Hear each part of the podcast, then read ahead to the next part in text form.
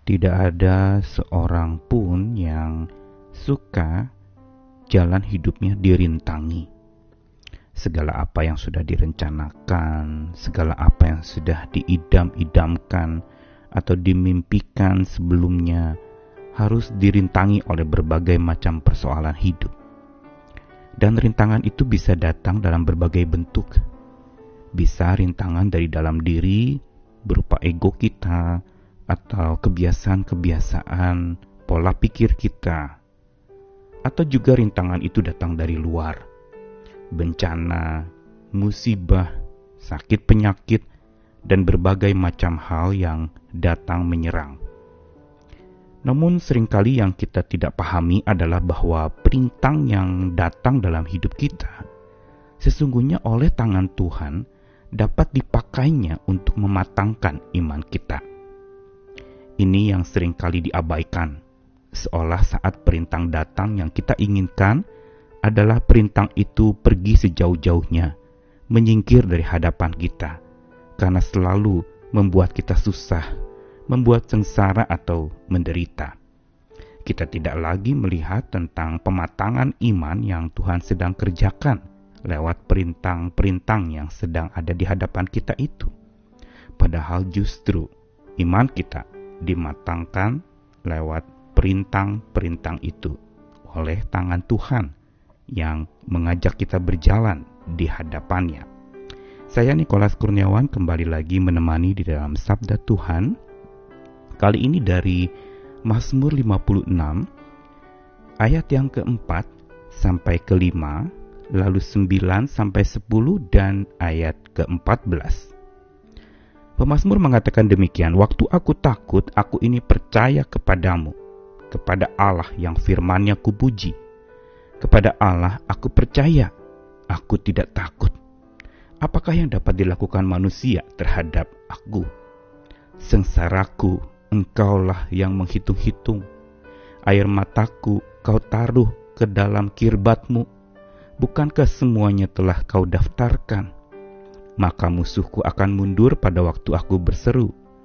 Aku yakin bahwa Allah memihak kepadaku, sebab engkau telah meluputkan aku daripada maut, bahkan menjaga kakiku sehingga tidak tersandung.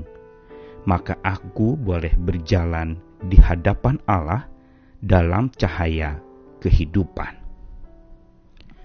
Rintangan demi rintangan yang menghadang hidup kita sesungguhnya merupakan pematangan demi pematangan yang Tuhan kerjakan dalam hidup kita. Hanya memang pematangan iman itu tidak terjadi secara otomatis. Apalagi kita yang tidak melihat dari perspektif bahwa tantangan-tantangan serta perintang-perintang itu untuk mematangkan iman. Kita justru harus belajar bagaimana bisa memandangnya sebagai pematangan iman. Dan untuk bisa memandangnya, kita perlu merentangkan tangan kita terbuka menyambut tangan Tuhan. Berarti dengan kata lain, kita dipanggil untuk berjalan bersama dengan Tuhan lewat perintang-perintang yang ada. Bukan lari dari perintang itu atau mengusir perintang itu, tetapi kita belajar dari perintang itu untuk supaya iman kita menjadi matang. Syaratnya tadi adalah tangan merentang terbuka menyambut tangan Tuhan. Dan bukan itu saja, syaratnya adalah juga semakin tajam mata kita memandang kepada Tuhan. Setelah tangan terentang terbuka menyambut tangan Tuhan, berarti bergandengan tangan berjalan bersama Tuhan, maka mata iman kita juga harus semakin tajam memandang kepada Tuhan melampaui segala persoalan yang kita hadapi. Setidaknya inilah yang dialami oleh pemazmur di dalam Mazmur 56. Dia mengakui dia takut dan sekaligus dia juga menyaksikan bahwa saat dia takut, dia percaya kepada Tuhan, kepada Allah yang firman-Nya dia puji, kepada Allah dia makin percaya dan makin menjadi tidak takut. Seolah ada sebuah langkah progresif yang terjadi dalam hidup dia. Makin dia percaya, makin dia tidak takut. Dan dengan yakin dia bisa mengatakan apakah yang dapat dilakukan perintang-perintang hidupnya itu terhadap dirinya. seolah dia memang berdiri dengan berkemenangan dan yakin bahwa kalau bersama dengan Tuhan, segala perintah itu justru dipakai oleh Tuhan untuk pematangan iman. Bukan perintah yang membuat dia akhirnya tidak dapat lagi bertindak apa-apa, jatuh hancur, berantakan dan tidak dapat dibentuk lagi oleh tangan Tuhan. Bukan itu setiap perintangan yang Tuhan izinkan terjadi, justru itu adalah sesuatu yang kita perlu serahkan kepada Tuhan. Seperti pemazmur itu juga mengatakan sengsaraku, engkaulah yang menghitung-hitung. Air mataku kau taruh ke dalam kirbatmu.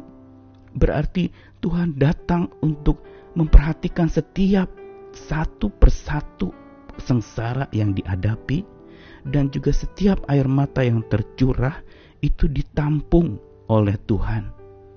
Dengan kata lain, Tuhan yang mengusap dan menghapus air mata kita. Dan ini semua sudah tercantum di dalam daftar cinta kasih Tuhan untuk manusia. Dan karenanya, maka pemazmur bisa dengan yakin bahwa Tuhan ada di pihaknya. Saat dia tidak dapat bergerak, saat dia sedang mati dan tidak berdaya lagi, dia sadar Allah yang memihaknya tidak akan membuat dia untuk jatuh tersandung. Karena Tuhan meluputkan dia dari maut, menjaga kakinya saat melangkah. Inilah yang artinya berjalan di hadapan Tuhan.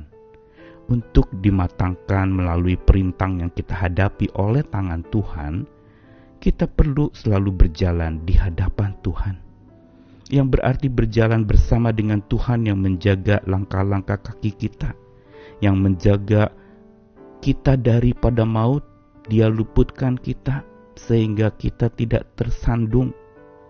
Dan inilah arti berjalan di hadapan Tuhan berarti selalu memandang kepada Tuhan.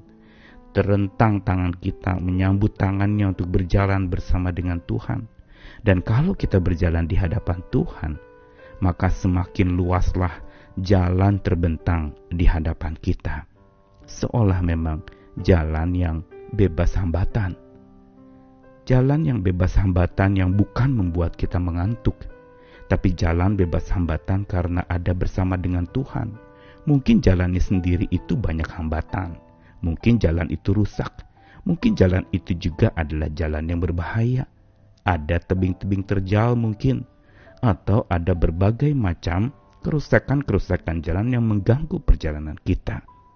Tetapi berjalan di hadapan Tuhan justru akan membuat kita melihat di seberang sana luas jalan terbentang di hadapan kita. Ada jalan yang dibukakan oleh Tuhan begitu luar biasa. Karena hari ini engkau yang sedang menghadapi rintangan-rintangan dalam hidup, apa pun bentuknya.